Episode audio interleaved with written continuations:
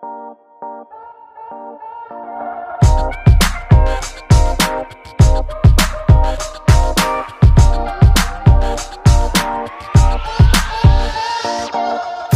pagi, selamat siang, selamat sore, dan selamat malam teman-teman Abbas Talk.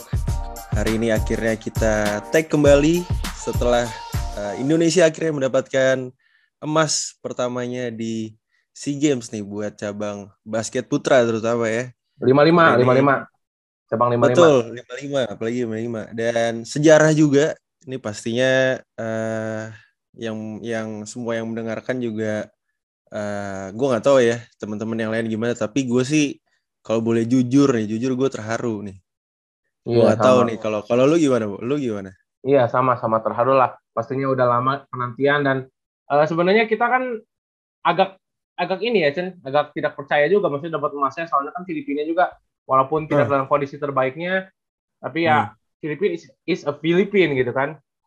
Kita nggak pernah menang sama mereka gitu kan selama ini. Tapi ya akhirnya dengan apa ya skor yang cukup ketat akhirnya kita bisa menengku emas. Ya terharu sih. Kalau gue sih jujur aja terharu lah dengan medali emas kemarin ya.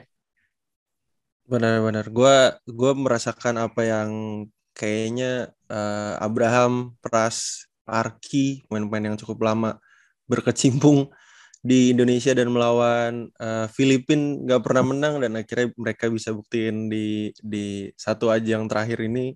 Menurut gue sih itu itu jadi jadi hadiah buat mereka tersendiri sih. Maksudnya kerja keras mereka gila sih.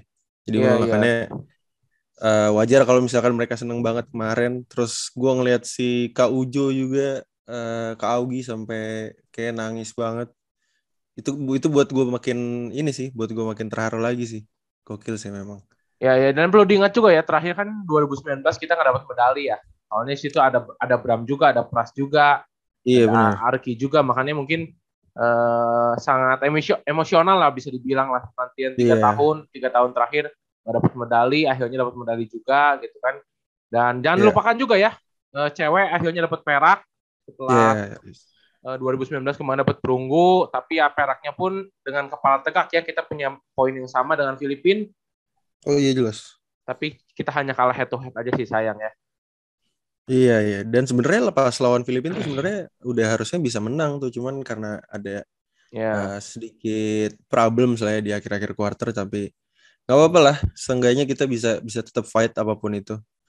Ya pokoknya kalau dari lu gimana nih? Nih sebenarnya mungkin kita masuk ke agak sedikit ke gamenya kali ya beberapa game uh, per, di teman-teman timnas ya? di SEA Games yeah. dengan bermain satu minggu full gimana yeah. nih? Kalau kalau gue mungkin bahas Putri dulu kali ya. Putri baru Boleh. kita bahas Putra ya.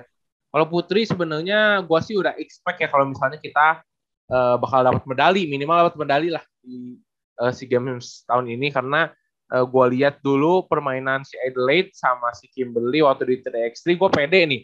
Ini tiga orang eh dua orang ini sebenarnya bisa jadi core uh, timnas ke depannya gitu dan terbukti sih mm-hmm. di lima lima ini uh, Kimberly sama Adelaide yang umurnya bisa dibilang khususnya Adelaide ya Adelaide kayaknya masih 21 tahun ya di bawah Mudah Nikita. banget, mudah banget. Ya, di bawah Nikita kalau nggak salah masih jauh di bawah Nikita gitu. Ini orang kayaknya penerusnya Cita sih atau penerus siapa ya di timnas putri Cita sih GGM-nya kayak Cita, Cita ya. sih bisa. Ya, kayak Cita ya. Ini ini ini orang sih boleh dibilang jadi faktor X ya kalau di timnas putri ya Adelaide ya tembakannya walaupun bawa bolanya menurut gua uh, tidak tidak sespesial si Agustin Cuma menurut nih, hmm. ini orang punya kecepatan, ini orang punya shooting form yang bagus. Dan yeah. Iya. uh, menurut gue kalau misalnya si Adelaide ini di apa ya, dipoles dan dilengkapi sama pemain-pemain yang punya ya levelnya sama kayak dia, mungkin timnas putri nih ke depannya bisa dapat medali terus nih. Nggak tahu si nggak tahu perak, nggak tahu yeah, yeah. minimal sih medali dapat terus gitu. Karena kalau hmm. gue lihat level permainan dia dari awal uh, lawan Filipina sampai kemarin terakhir lawan uh, Singapura menang besar gitu. Dia sih menurut hmm. gue cukup berbeda ya sama teman-temannya ya.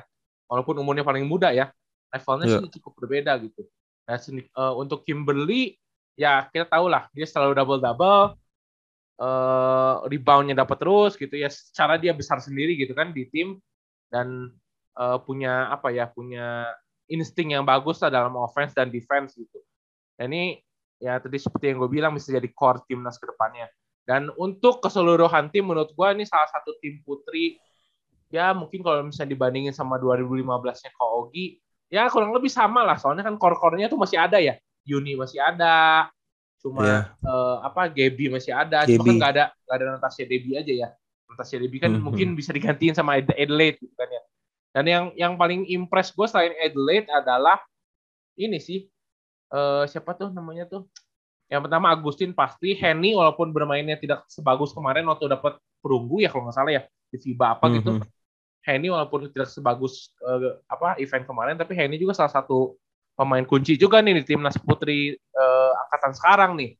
Iya. Terus gue lihat juga uh, satu pemain yang menurut gue cukup underrated juga Clarita Antonio pemain Jawa Barat ya. Ini salah hmm. satu pemain yang boleh dibilang regenerasinya Yuni nih. Yuni Anggreni kan ya walaupun Yuni juga masih bagus banget ya Yuni ya tahu udah main yeah, lama yeah, ya yeah.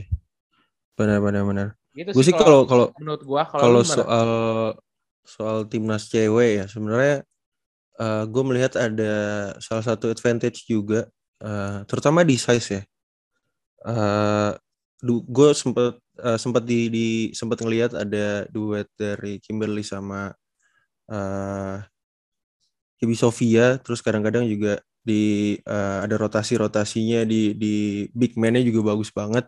Terus ada uh, salah satu pemain dari Jawa Tengah juga tuh kalau nggak salah uh, yang masih muda Ari. Uh, menurut gue mereka mereka uh, itu bisa diandalkan untuk ke depannya sih uh, dengan size itu. Karena uh, jadi advantage ketika mereka bermain di SEA Games kemarin. Benar. Dan selain selain size itu, gue melihat dari dari uh, sisi coaching staff juga mempercayai pemain pemain-pemain muda ya, yang menurut gue nggak gampang buat buat coach untuk kasih kepercayaan, apalagi uh, ini ajangnya di Sea Games gitu dan yeah. Iya. uh, bisa dilihat dari yang lu bilang tadi, uh, Adelaide tuh bermain kalau nggak salah cukup banyak sih, ya. banyak, dan dia banyak. jadi jadi uh, salah satu inilah ya bisa dibilang memang core lah di sisi serangan timnas karena beberapa tembakan-tembakannya juga uh, aman banget sih gue ngeliatnya dan uh, setuju gue ini pasti bertanda bagus buat uh, timnas putri ke depannya. Apalagi uh, gue melihat beberapa pemain yang berani dicoret sama coachnya juga dan keterbukaan sama coach uh, uh, di beberapa media juga. Salah satunya media uh, main basket yang sempat gue dengar tuh mereka sempat ngobrol bareng. Dan uh, gue harap sih terus berkembang sih dengan beberapa uh, pemain-pemain muda nantinya. Apalagi uh, regenerasinya kita lihat juga sebelum-sebelumnya uh, dari DBL beberapa uh, pemain yang dari uh, Fever juga uh, itu juga udah udah mulai banyak kelihatan nih. Kita harap sih apa ya eh emas sih kalau gue gue harap sih ya bisa sih harusnya ya. Harusnya bisa harusnya sih bisa justru. Benar itu juga sih. Iya. Tadi ngomongin itu ngomongin sih. size, ini gue tambahin sedikit ya ngomongin size kita juga harus inget ya kalau misalnya ini ada nama yang sebenarnya dicoret adalah Kahol kemarin kan sempat cedera gitu kan, secara size yeah. bagus. Terus juga ada Ayu yang mungkin uh, masih diprioritaskan ke 3x3 ya gitu. Hmm. Ayo juga size-nya bagus gitu. Dan jangan jangan lupakan juga ya Karen walaupun uh, secara oh, iya, iya. Size, size tidak besar tapi ya uh, apa dia punya pengalaman yang luar biasa gitu kan di uh, apa di liga wanita terus di Asian Games yeah. dia iya. pernah gitu. Nah, Karen walaupun kecoret ya, nanti mungkin next event dia bisa membuktikan kalau dia pantas ya di timnas ya. Soalnya menurut gua kalau ngandelin Gaby Sofia tuh mau sampai kapan gitu. Soalnya Gaby juga udah punya umur juga kan gitu. Iya. Yeah. Kasian juga yeah, gitu. Yeah. Saat yang muda-muda lah gitu. Dan saya sih cuma takut takut cedera aja sih kemarin tuh Gaby Sofia. Iya, iya. Soalnya emang dia di gelaran 2015 tuh gak pernah absen loh Gaby tuh. 15, iya, 17, 19, sekarang 22. Kalau misalnya dihitung tahun, dia 8 tahun coy. Eh, 7 tahun justru. Iya, iya, iya. Timnas terus gitu. Semoga aja yeah, ya yeah. ada the next Gaby Sofia ya. Gue sih harap ke Lea Kahol sih sebenarnya cuma bener, secara bener, size Gaby kan tinggi, Gaby tinggi banget ya susah juga nemu, iya, nemu pemain kayak tinggi kayak gitu ya kayak Gaby benar benar Setuju, setuju, setuju. Ya kita harapkan kita harapan uh, harapan kita sih memang yang terbaik lah. Semoga emas lah ke depan depannya. Ya. Dan bisa menemukan regenerasi yang lebih baik dari dari yang saat ini sih. Jelas, jelas yang pasti ya. Kita percaya juga lah walaupun kita belum ada liga ya putrinya. Cuma ya dengan dedikasinya Ko Itop dan kawan-kawan iya ya, kita percaya lah. Iya kita iya, percaya iya, lah. Nggak ada nggak ada nggak ada liga tuh jadi salah satu apa ya, concern point, juga kali ya karena poin plus uh, justru menurut gua. Poin plusnya poin plus ya. Poin plus dalam arti kita dapat medali juga gitu kalau nggak ada liga. Gimana kalau ada liga kan? Iya, iya sih. Iya sih itu juga sih. Mungkin uh, ya karena kan kemarin juga udah sempat ketemu kan Kaugi dengan beberapa uh, apa antusias antusias dari uh, basket Indonesia juga buat bangun Liga Putri sih itu salah yeah. satu jadi salah satu gue harap sih jadi jadi salah satu kebangkitan buat timnas Putri dan Liga Basket Putri Indonesia sih ya ya ya ya semoga gitu, ya gitu. doain aja nanti next event uh, timnas Putri bisa lebih berprestasi walaupun sekarang juga sudah cukup membanggakan ya 3 x lima lima semuanya bawa medali yes itu sih itu dia congrats sekali lagi lah ya buat buat teman-teman ya. basket putri dari Indonesia. Nah Next. sekarang kita Putra. bergeser kali ya ke Putra ya. Mm -mm. Nih uh, mulai dari mana Chan? Oh. Bingung nih gue nih sebenarnya. Iya sih sejujurnya uh, gue gue ngelihat dari mungkin gue udah ngelihat dari awal dulu ya sebenarnya gue melihat kita kan punya punya ini ya punya punya uh, komunitas di WhatsApp gitu ya banyak yang bilang kalau nggak salah ada yang bilang uh, cukup sulit lah karena satu Thailand tuh uh, punya empat naturalisasi yang uh, cukup bagus uh, mainnya. Bukan cukup bagus sih malah bagus banget menurut gue mainnya. Hmm. terus ada uh, Vietnam juga sebagai tuan rumah yang nggak kaleng-kaleng dengan mempersiapkan timnya. Terus ada terakhir Filipina Filipina juga yang uh, masih menggunakan Ravena Brothers dan uh, Javardo yang menurut gue juga jadi uh, apa ya jadi core juga di Filipina dan uh, sebenarnya sih gue melihat dari uh, timnas kita sendiri sebetulnya bisa kalau misalkan timnas tuh tampil dengan membawa squad uh, the best of the bestnya dan uh, di sea games kali ini uh, coaching staff dan Jeremy sendiri dan pemanajer sendiri tuh uh, gue rasa sih membawa uh, their best of the best squad sih. Walaupun memang ada satu apa ya yang yang yang menurut gue uh, sedikit uh, kurang karena uh, di apa ya di bagian uh, small forward sebenarnya yang yang sebenarnya gue masih masih agak-agak uh, bingung gitu kenapa uh, tadinya si Caleb kenapa nggak dipanggil terus ada beberapa nama lah ya yang yang menurut gue seharusnya masih bisa dipanggil untuk tes tapi enggak. Tapi uh, terlepas dari itu semua gue melihat si timnas kali ini tuh yang terbaik di tahunnya sih. Gue nggak tahu uh, kalau dari lu gimana cuman gue melihat di situ ada uh, Yuda Saputra yang uh, dibawa ada uh, ada uh, Derek Michael juga dibawa ada uh, Marcus Bolden juga di sana terus ada uh, Abraham dan Margarita dan Pras juga yang yang masih sangat konsisten walaupun ya kita tahu Pras di uh, awal game sempat struggle ya. Cuman ya gue sih senang banget dengan squad yang saat ini sih. Kalau kalau dari lu gimana? Ya uh, kalau misalnya dari gue kan kita berdua sempat ini ya sempat take sebelum kemarin si games mulai dan selama si games kita kemarin nggak take sama sekali ya di sebelum SEA Games kita udah ngomong pas lagi launching tim ini kalau bahwa tim ini tuh solid banget gitu. Eh, dari secara squad dan secara size ya. Karena kan emang masalah kita secara size waktu kemarin-kemarin ya di event-event kemarin gitu.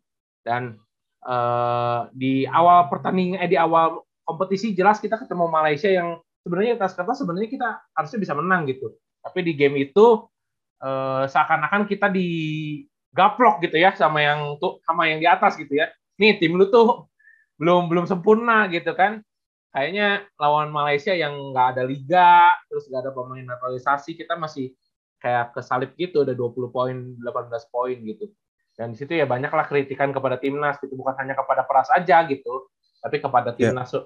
kepada timnas secara keseluruhan di situ ada yang ngomong juga kenapa coach Raiko sama coach Milos uh, barengan gitu kan siapa yang ngasih instruksi yeah. gitu kan banyak yang komen-komen yeah. seperti itu gitu banyak di game pertama. Tapi ya itu sebuah inilah pelajaran berharga buat timnas yaitu menurut gua momen momen terbaiknya timnas ya saat transisi dari gamenya Malaysia lawan ke Thailand gitu.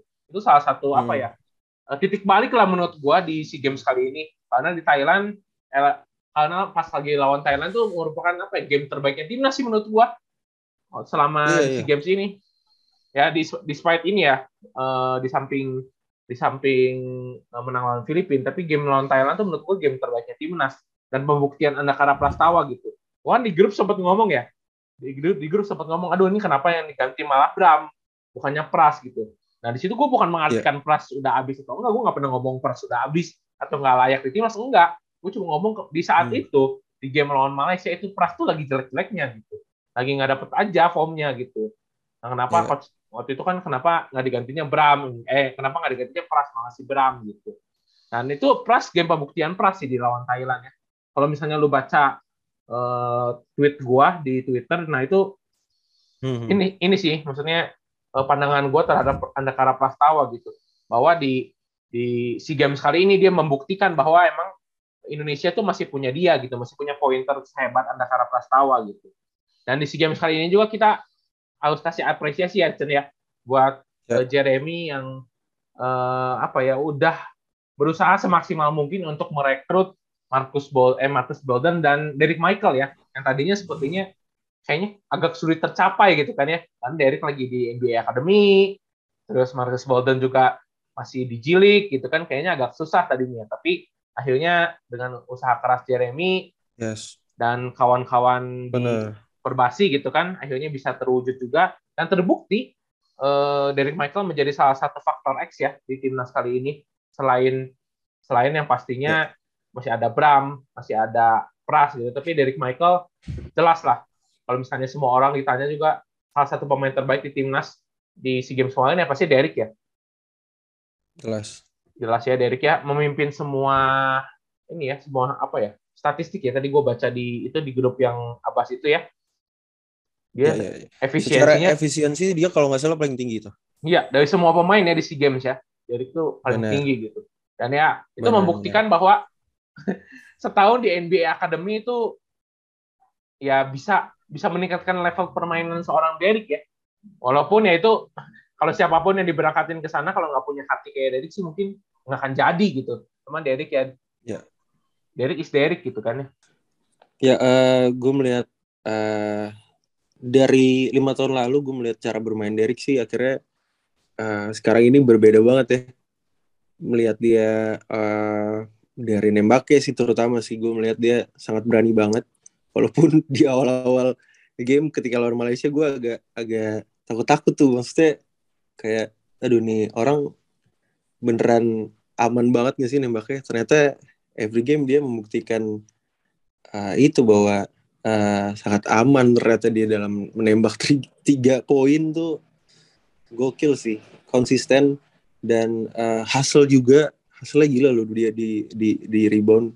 Karena beberapa kali double double dua dua game ya? Apa berapa game gitu dia double double uh, apa ya? Jadi jadi salah satu uh, trigger sih buat buat uh, Indonesia supaya uh, apa bisa bisa pemain-pemain lainnya juga bisa step up bukan cuma Derek juga. Se, uh, mungkin yang yang yang bisa gue uh, apa ya gue ambil uh, hikmatnya mungkin ya di di di si games kemarin tuh uh, semangatnya sih semangatnya dan vibesnya tuh beda banget ketika uh, di FIBA Asia Qualifier tuh uh, di SEA Games kemarin mereka benar-benar hasil benar-benar uh, di defense-nya juga terutama sangat uh, disiplin. Gue melihat ini jadi salah satu apa ya salah satu hal yang bagus sih buat buat timnas putra terutama. Gue nggak tahu mungkin uh, dari kepelatihan atau dari pemain yang uh, berubah tapi gue senang banget sih dengan dengan gesture-gesture mereka yang yang semangat yang ada ampun yang uh, apa ya terus terus berbenah gue suka banget sih gue gak tau kalau kalau lo ngeliatnya kayak gimana Iya, kalau misalnya secara gestur mungkin di FIBA Asia Cup kemarin skuadnya agak jenuh ya, bisa dibilang ya. Kalau misalnya di SEA Games ini tuh gitu. di SEA Games ini tuh banyak banyak muka-muka baru, jadi secara semangat mungkin pemain-pemain seperti Bram, Arki, Jawato hmm. itu mempunyai hmm. apa ya energi baru lah gitu dari pemain muda ini ya Yuda, Derek, Golden gitu kan banyak pemain-pemain yang uh, baru ke level internasional gitu dan mereka langsung membuktikan hmm. itu bahwa emang uh, ini waktunya mereka gitu menurut gua makanya uh, secara mental tim pun kemarin cukup bagus ya kita lihat kan Bram berapa kali clutch shot Abraham yeah. ya, sorry Abraham Prastawa juga setelah, setelah dikritik juga akhirnya terus konsisten gitu sampai game akhir terus ada Juan hmm. Loren gitu Juan Loren yang yeah. kebanyakan orang ngomong ini Juan tuh apa ya nembaknya nembaknya letoy nggak pernah ngomong di lapangan gitu tapi akhirnya Juan membuktikan bahwa dia salah satu two way player terbaik saat ini gitu di di, di timnas dan di Indonesia gitu defense dengan hmm. baik offense dengan baik gitu dan secara uh, menit bermain pun banyak sekali gitu kalau bisa dibilang ya uh, Juan yeah. gitu kemarin di SEA Games kemarin dan jangan lupakan mm -hmm. juga walaupun Arki bermainnya sedikit tapi Arki secara mentalitas mungkin di luar lapangan dia membentuk teman-teman yang muda nih gitu kan walaupun yeah. Arki ya sama Hardianus kemarin uh, surprisingly dikit sekali ya mainnya kaget juga sih gua. Iya iya. iya. Hardianus terutama. Iya iya iya. Kalau lihat Hardianus mungkin gua nggak tahu ya mungkin gara-gara dia kemarin kan dia sempat dimainin lawan Kamboja atau lawan apa gitu banyak ya hmm. Eh, untuk ngeresin pemain yang lain gitu. Gue cukup kaget loh dia dia dia jadi lambat banget ya atau emang gaya mainnya emang jadi kayak gitu atau gimana ya? Nggak tahu sih kalau gua ngeliat. Atau mungkin cederanya mungkin kayaknya ankle masih masih problem. Iya mungkin ya, tapi nggak tahu ya. Gue ngeliat Haldianus kayaknya agak melambat sedikit sih, sedikit pas lagi ngelakuin drive gitu. Jadi kayaknya mungkin secara skema mungkin emang kurang masuk sih. Kalau misalnya ngelihat mm-hmm. pemain-pemain kemarin kayak Bram, Yuda gitu yang lari terus gitu ya, emang kurang yeah. masuk itu mungkin makanya jarang dipakai juga tuh oleh Coach Milos gitu. Dan gue juga share out juga buat Jeremy sekali lagi yang berani bawa Dame ya. Yang mungkin oh, iya, iya, iya. konsultasinya sama sama coaching staff cukup ini nih kayaknya tuh. Kalau Dame, Dame kan sebenarnya umurnya juga belum 17 gitu kan. Tapi berani yeah. dibawa ke SEA Games dan dapat menit juga lumayan lah. Shout out juga buat mm -hmm. uh, coaching staff. Ya. Benar-benar. Gue sih udah kehabisan kata sih sebenarnya udah mau bahas apa lagi juga karena ya ini gold medal yang boleh dibilang kalau misalnya dicapai lagi dua tahun lagi ya tim-tim lain juga pengen dapat gold medal gitu. Kalau kata orang kan lebih susah mempertahankan dibanding meraihnya gitu kan ya. Benar, benar, ya, benar. Ya, itu itu PR buat kita lah ke depannya gimana untuk membentuk uh, tim ini menyempurnakan bisa dibilang tim ini uh, yang udah mendapatkan gold medal gitu. Bisa jadi ini FIBA Asia Cup nanti akan ada regenerasi nih. Karena kita lihat nih Hardianus udah sedikit-sedikit gak dapat menit, nanti mungkin bisa Widi masuk. Terus Arki pelan-pelan tahun depan mungkin kalau misalnya udah gak dapat menit, Arki mungkin di sini bisa Regi masuk atau Aldi, Bagir gitu kan, yang secara yeah. umur masih jauh lebih muda gitu. Nah, benar. Dan sekarang next kita udah bahas si games, uh, si gamesnya ya kita udah tahu semua ya. Tadi kita udah bahas gold medal sama kesertaan kita di SEA Games pertama kalinya kita meraih emas. Hmm. Next ada turnamen yang bisa dibilang cukup krusial juga buat kita untuk mencapai iya. delapan yeah. besar demi satu tiket uh, Piala Dunia di 2023 nanti yakni FIBA Asia Cup yeah. di Juli nanti. Yes. Lo ada pendapat Chen gimana tentang squad atau tentang lawan-lawan yang menanti kan cukup berat juga nih. Gimana? Uh, pastinya kalau gue balik lagi sih uh, gak mau ekspektasi yang yang tinggi tinggi banget ya apalagi ini Asia ya uh, jangkauannya tapi uh, melihat dari uh, cara bermain skuad di ketika di SEA Games kemarin, gue sih tapi kalau dibawa lagi ya, tapi gue melihatnya uh, mereka sangat bisa lah membeli, memberikan perlawanan yang cukup uh, ketat kepada uh, big team di Asia terutama. Ya gue melihat dari uh, beberapa pengalaman dari pemain-pemain senior pun uh, harusnya mereka bisa bisa kasih kejutan-kejutan lah di FIBA Asia Cup nantinya. Walaupun memang sekali lagi gue balik kita uh, gue gue sih gak nggak nggak terlalu berekspektasi yang uh, tinggi karena nanti uh, takutnya kalau jatuh kalau kalah itu jadinya sakit banget gitu. Cuman ya uh, pastinya uh, kita sih bisa dibilang sih sebagai inilah ya kayaknya underdogs lah hitungannya. Cuman ya gue harap sih underdogs mentality itu bisa bisa bisa jadi sesuatu yang baik buat timnas Indonesia sih. Gue sih ngeliatnya gitu kalau misalkan di FIBA sih ya. Iya iya. Kalau iya eh ini ini gue sebelum bahas FIBA gue mau ini juga lupa tadi gue shout out ke Agassi ya. Agassi kemarin di game terakhir oh, sih. iya, iya. gila sih dia membuktikan emang dia masih layak ya di timnas ya. Iya iya. Walaupun walaupun di di beberapa game sebelumnya dia agak minute playnya agak sedikit ya kalau gua nggak salah ya. Iya ya karena emang secara form kemarin dia belum belum bagus gitu. Gua akui juga gitu. Belum masih nyari nyari kan? lah. Masih nyari benar benar setuju iya. masih nyari. Dan akhirnya kemarin di game terakhir sih gila. Clutch agak sih ya. Dan yeah, untuk yeah, FIBA yeah. Asia Cup sendiri tadi lo udah bilang ya uh, don't don't expect too much ya buat FIBA Asia Cup gitu. Walaupun kita sih uh, sejujurnya dalam hati yang terdalam sih pengen ya timnas lolos ke delapan besar dan lolos uh, Piala Dunia. Tapi ya itu pun uh, kita harus dibarengi dengan realita realita. Kita harus dibarengi dengan realita bahwa lawan-lawan kita ini bukan lawan-lawan mudah gitu. Australia Jordania ya Chen ya? Jordania ya kalau nggak salah ya?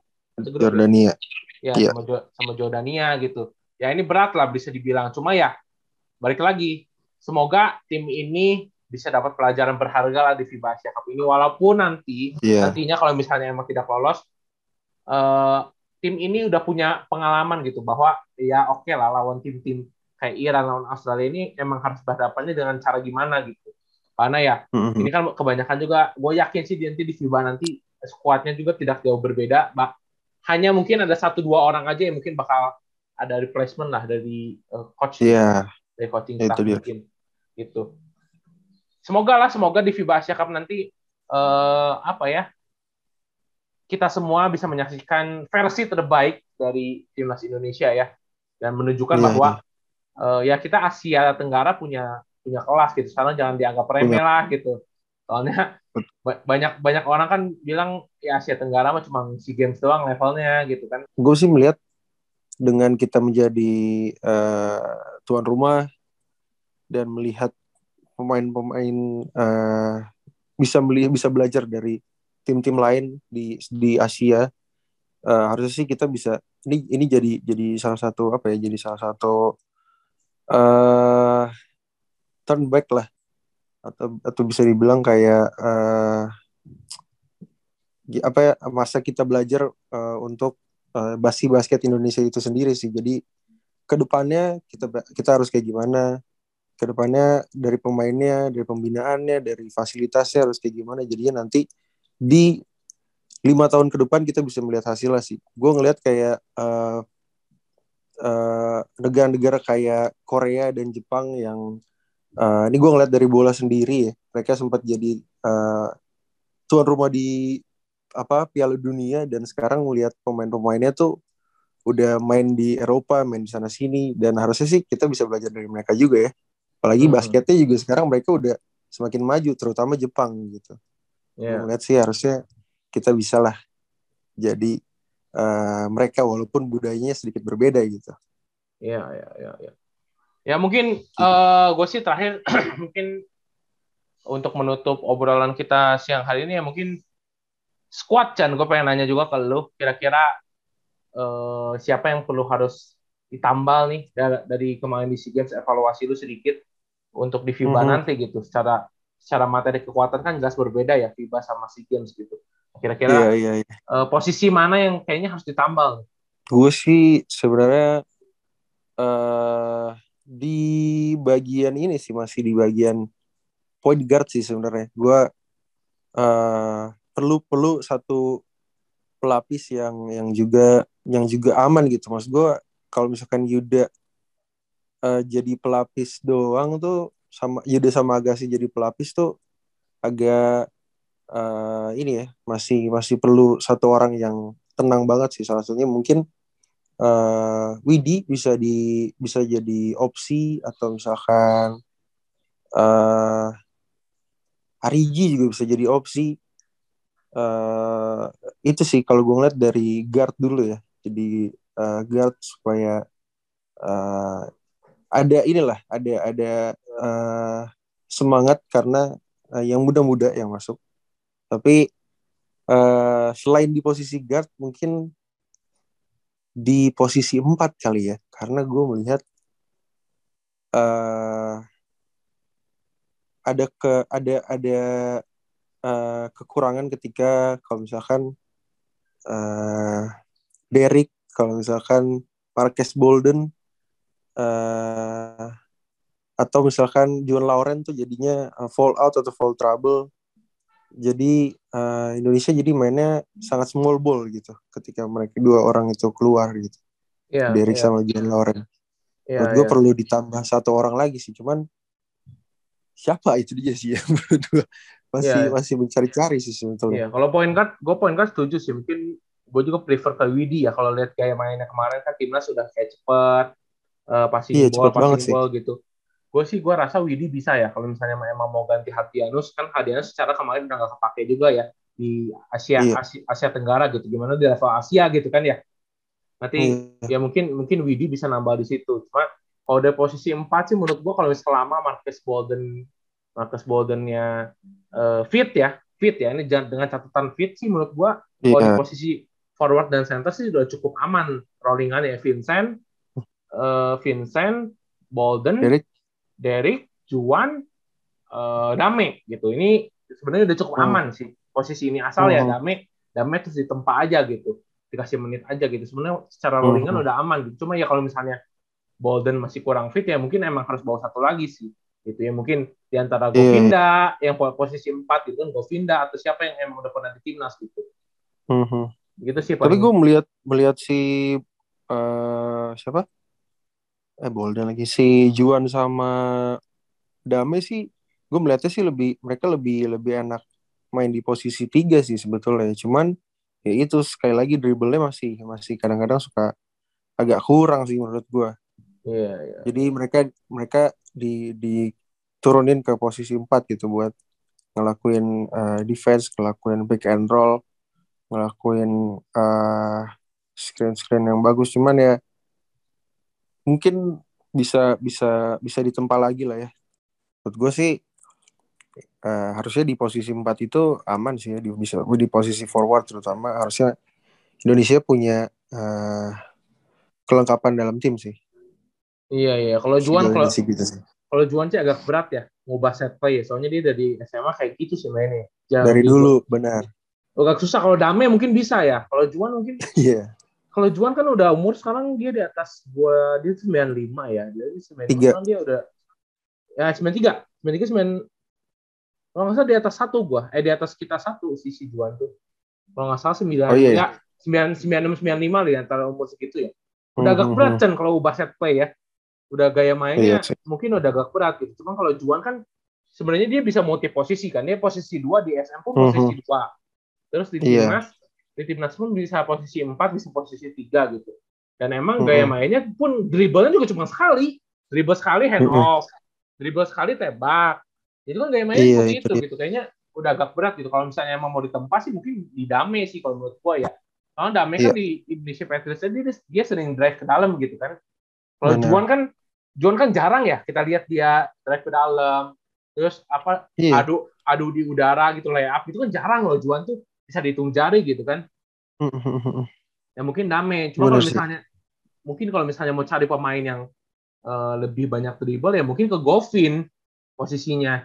Lebih ke Govinda Mhm. gitu. Poin-poin apa uh, poin apa posisi-posisi kayak Govin gitu yang bisa dribble, uh-huh. yang rajin drive gitu. Cuma kalau Juan kan tipenya kayak gitu. Dan apalagi kalau kita lihat yeah. uh, defense Juan ya. Juan tuh bukan tipe pemain yang suka blok-blok Juan tuh lebih suka kayak uh, showing defense di ya lockdown defense aja gitu. Juan tuh. Bukan hmm. kayak Govin, bukan hmm. kayak Sandi yang kayak demen blok gitu. Enggak, Juan tuh gak kelihatan lah. Pokoknya lu kalau ngeliat main Juan tuh tahu-tahu lawan tuh udah gak bisa gerak aja. Iya, iya, iya. Kayak gitu memang tipenya dia tipenya gitu silent silent gitu makanya agak susah juga nyari pemain kayak gitu makanya ini ya ya udah biarin aja jadi juan aja gitu menurut gua ya mm-hmm. berat lah ngubah set set play yeah. seorang pemain yang udah lama gitu udah 10 tahun 15 tahun kali main kayak gitu si Juan benar-benar oh satu lagi mungkin gue melihat uh, apa ya mungkin ini bisa jadi pertimbangan ya gue melihat uh, dari Vincent Kosasi sendiri apakah masih perlu dipertahankan atau bisa mencoba sosok Kelvin Sanjaya sih. Iya, ya, setuju gua. Sebagai sebagai refreshment. Tapi ya sekali lagi itu kan pilihan dari coaching staff dan Pak manager. Cuman ya uh, secara secara apa ya? Kalau gue ngeliat di kemarin sih Vincent banyak banyak ngelakuin ini sih fouling yang yang yang nggak penting sih kalau gue ngeliat iya. sih dari situ sih. Sama passing sih passing Vincent tuh di game pertama lawan Malaysia kan dia kan dia tuh dia dia bagus sih maksudnya gue nggak tahu ya emang intuisi dari pelatih atau gimana dia tuh selalu pegang hmm. bola dia pegang bola tuh bukan tujuannya kering dia tuh selalu lihat temen jadi ada temen cut dia mau passing tuh passing ke dalam yeah. nah nggak tahu tapi yeah. berapa kali emang gagal terus gitu nggak tahu emang uh-huh. uh, emang tidak pas aja momennya atau gimana uh tapi menurut gue sih ya itu udah sebuah inovasi ya untuk Vincent ya sendiri ya Soalnya kan Vincent beberapa hmm. kali kan di tahun-tahun terakhir ini kan cukup agak stagnan lah si karirnya di timnas gitu kan ya. Gitu-gitu aja hmm. bisa dibilang gitu. Tapi di game kemarin yeah. walaupun edisi game kemarin walaupun secara uh, tidak signifikan tapi secara set play mungkin coaching staff ngelihat nih Vincent ini punya uh, skill set passing yang cukup bagus gitu. Makanya kemarin sih gue lihat uh, dia lebih banyak ke passing ya dibanding attempt sih menurut gua. Mm-hmm. Tapi sayang aja emang passingnya masih belum akurat Chan. Jadi kelihatannya kan di mata kita aduh yeah. ini kok jadi kayak uh, apa salah terus gitu error terus kan. Makanya kemarin on field yeah, kan salah passing langsung gak dimainin terus tuh sampai akhir. iya makanya. Sayang sih sayang, sayang. Iya, tapi sayang, emang sayang, tapi tapi emang kalau ngelihat size Vincent uh, berat ya Chen ya. Kayak berat gitu anjing ngelepasin seorang Vincent gitu. Secara iya, dia udah iya. punya pengalaman di 3x3, udah punya pengalaman di luar negeri juga gitu di Cina juga. Iya, tapi emang kalau misalnya secara pendapat pribadi gue juga Vincentnya agak mentok gitu. Agak mentok mau dikemanain hmm. lagi gitu kan ya. Iya. Gitu. Tapi ya kita lihat nanti kalau misalkan dia se selama satu dua bulan ini dia bisa berkembang dan belajar dari beberapa kesalahannya. Iya. Mungkin iya. ya kita lihat aja sih nanti. Mungkin jadi fine. Ya kita iya. harapkan yang terbaik lah ya buat timnas kita. Iya, timnas ya, tapi... yang kita cintai ini. Iya gue tambahin lagi sih, sih kalau Vincent sih gue sih yeah. tidak tidak berharap ini, tidak berharap dia poin banyak kayak Derek ya. Ya mungkin cara hmm. mainnya juga pun beda gitu. Cuma kalau misalnya tadi gue yeah. singgung lagi, kalau misalnya dia dia berani improve terus skill passingnya, mungkin dia akan jadi pembeda sih di timnas. Dengan tinggi segitu, yeah, yeah. dia punya defense cukup oke okay loh. Dia punya defense cukup oke okay sih menurut gue. Cuma secara yeah. offense emang dia tidak signifikan gitu. Makanya dia harus cari cara nih. Emang emang gue spesialisasinya apa gitu jadi mungkin kalau kita ngelihat iya. Bolden, Bolden bagus nembak, Bolden bisa tembak tiga gitu. Ya udah Vincent cari yang lain aja gitu. Vincent cari yang uh, apa center-center kayak Jokic lah gitu. Tapi nggak usah banyak poin, hmm. tipe-tipe yang passing yeah. aja. Kalau misalnya gue lihat sih kemarin gitu sih. Set play dia lebih banyak ke passing, cuma ya sayang aja. Belum akurat lah. Latihan lagi lah itu bisa lah, bisa ditempa lah itu. Bisa, bisa benar-benar. Ya, kalau dari kita berdua itulah ya uh, refreshment refreshment yang mungkin bisa diperlukan buat timnas Indonesia dibawa di FIBA Asia. Mungkin nanti teman-teman yang dengar juga bisa menambahkan di komen kali ya atau di reply di DM siapa aja yang perlu apa perlu diganti siapa aja yang uh, harus masuk. Dan uh, gimana nanti coaching staff sebenarnya siapa yang akan ngelatih. Jadi uh, itu penting sih ya. tapi by the way. Iya, itu penting sih. Gue juga agak bingung tuh awalnya bener juga. Sebenarnya. Iya. Banyak yang komen. Gue tuh nggak sadar sebenarnya. Cuma pas lagi gue baca netizen pas lagi kita kan hampir kesusul tuh. Hampir kesusul. Mm -hmm. Gue baca komen-komen. Eh bener juga ya gue bilang. Kenapa Coach Toro iya. turun juga gitu kan. Ya itu harus iya. benerin sih. Nggak tahu nggak tahu kenapa. Tapi itu emang harus benerin sih. Nggak boleh ada dua dua suara gitu sih kalau menurut gue. Setuju, setuju. Tapi ya uh, kita melihat Pak Manajer Bung Jeremy juga sangat open lah ya dan dia sangat iya. terbuka dengan Jelas. dengan dengan kritikan-kritikan, masukan-masukan, support dari teman-teman semua. Jadi nggak usah nggak usah meragukan lagi karena yang saat ini sih pasti dia ngedengerin uh, masukan-masukan dari teman-teman semua sih pastinya. Iya lah. Ya Jeremy Jeremy baru berapa bulan ngejabat tuh dapat emas coy. Iya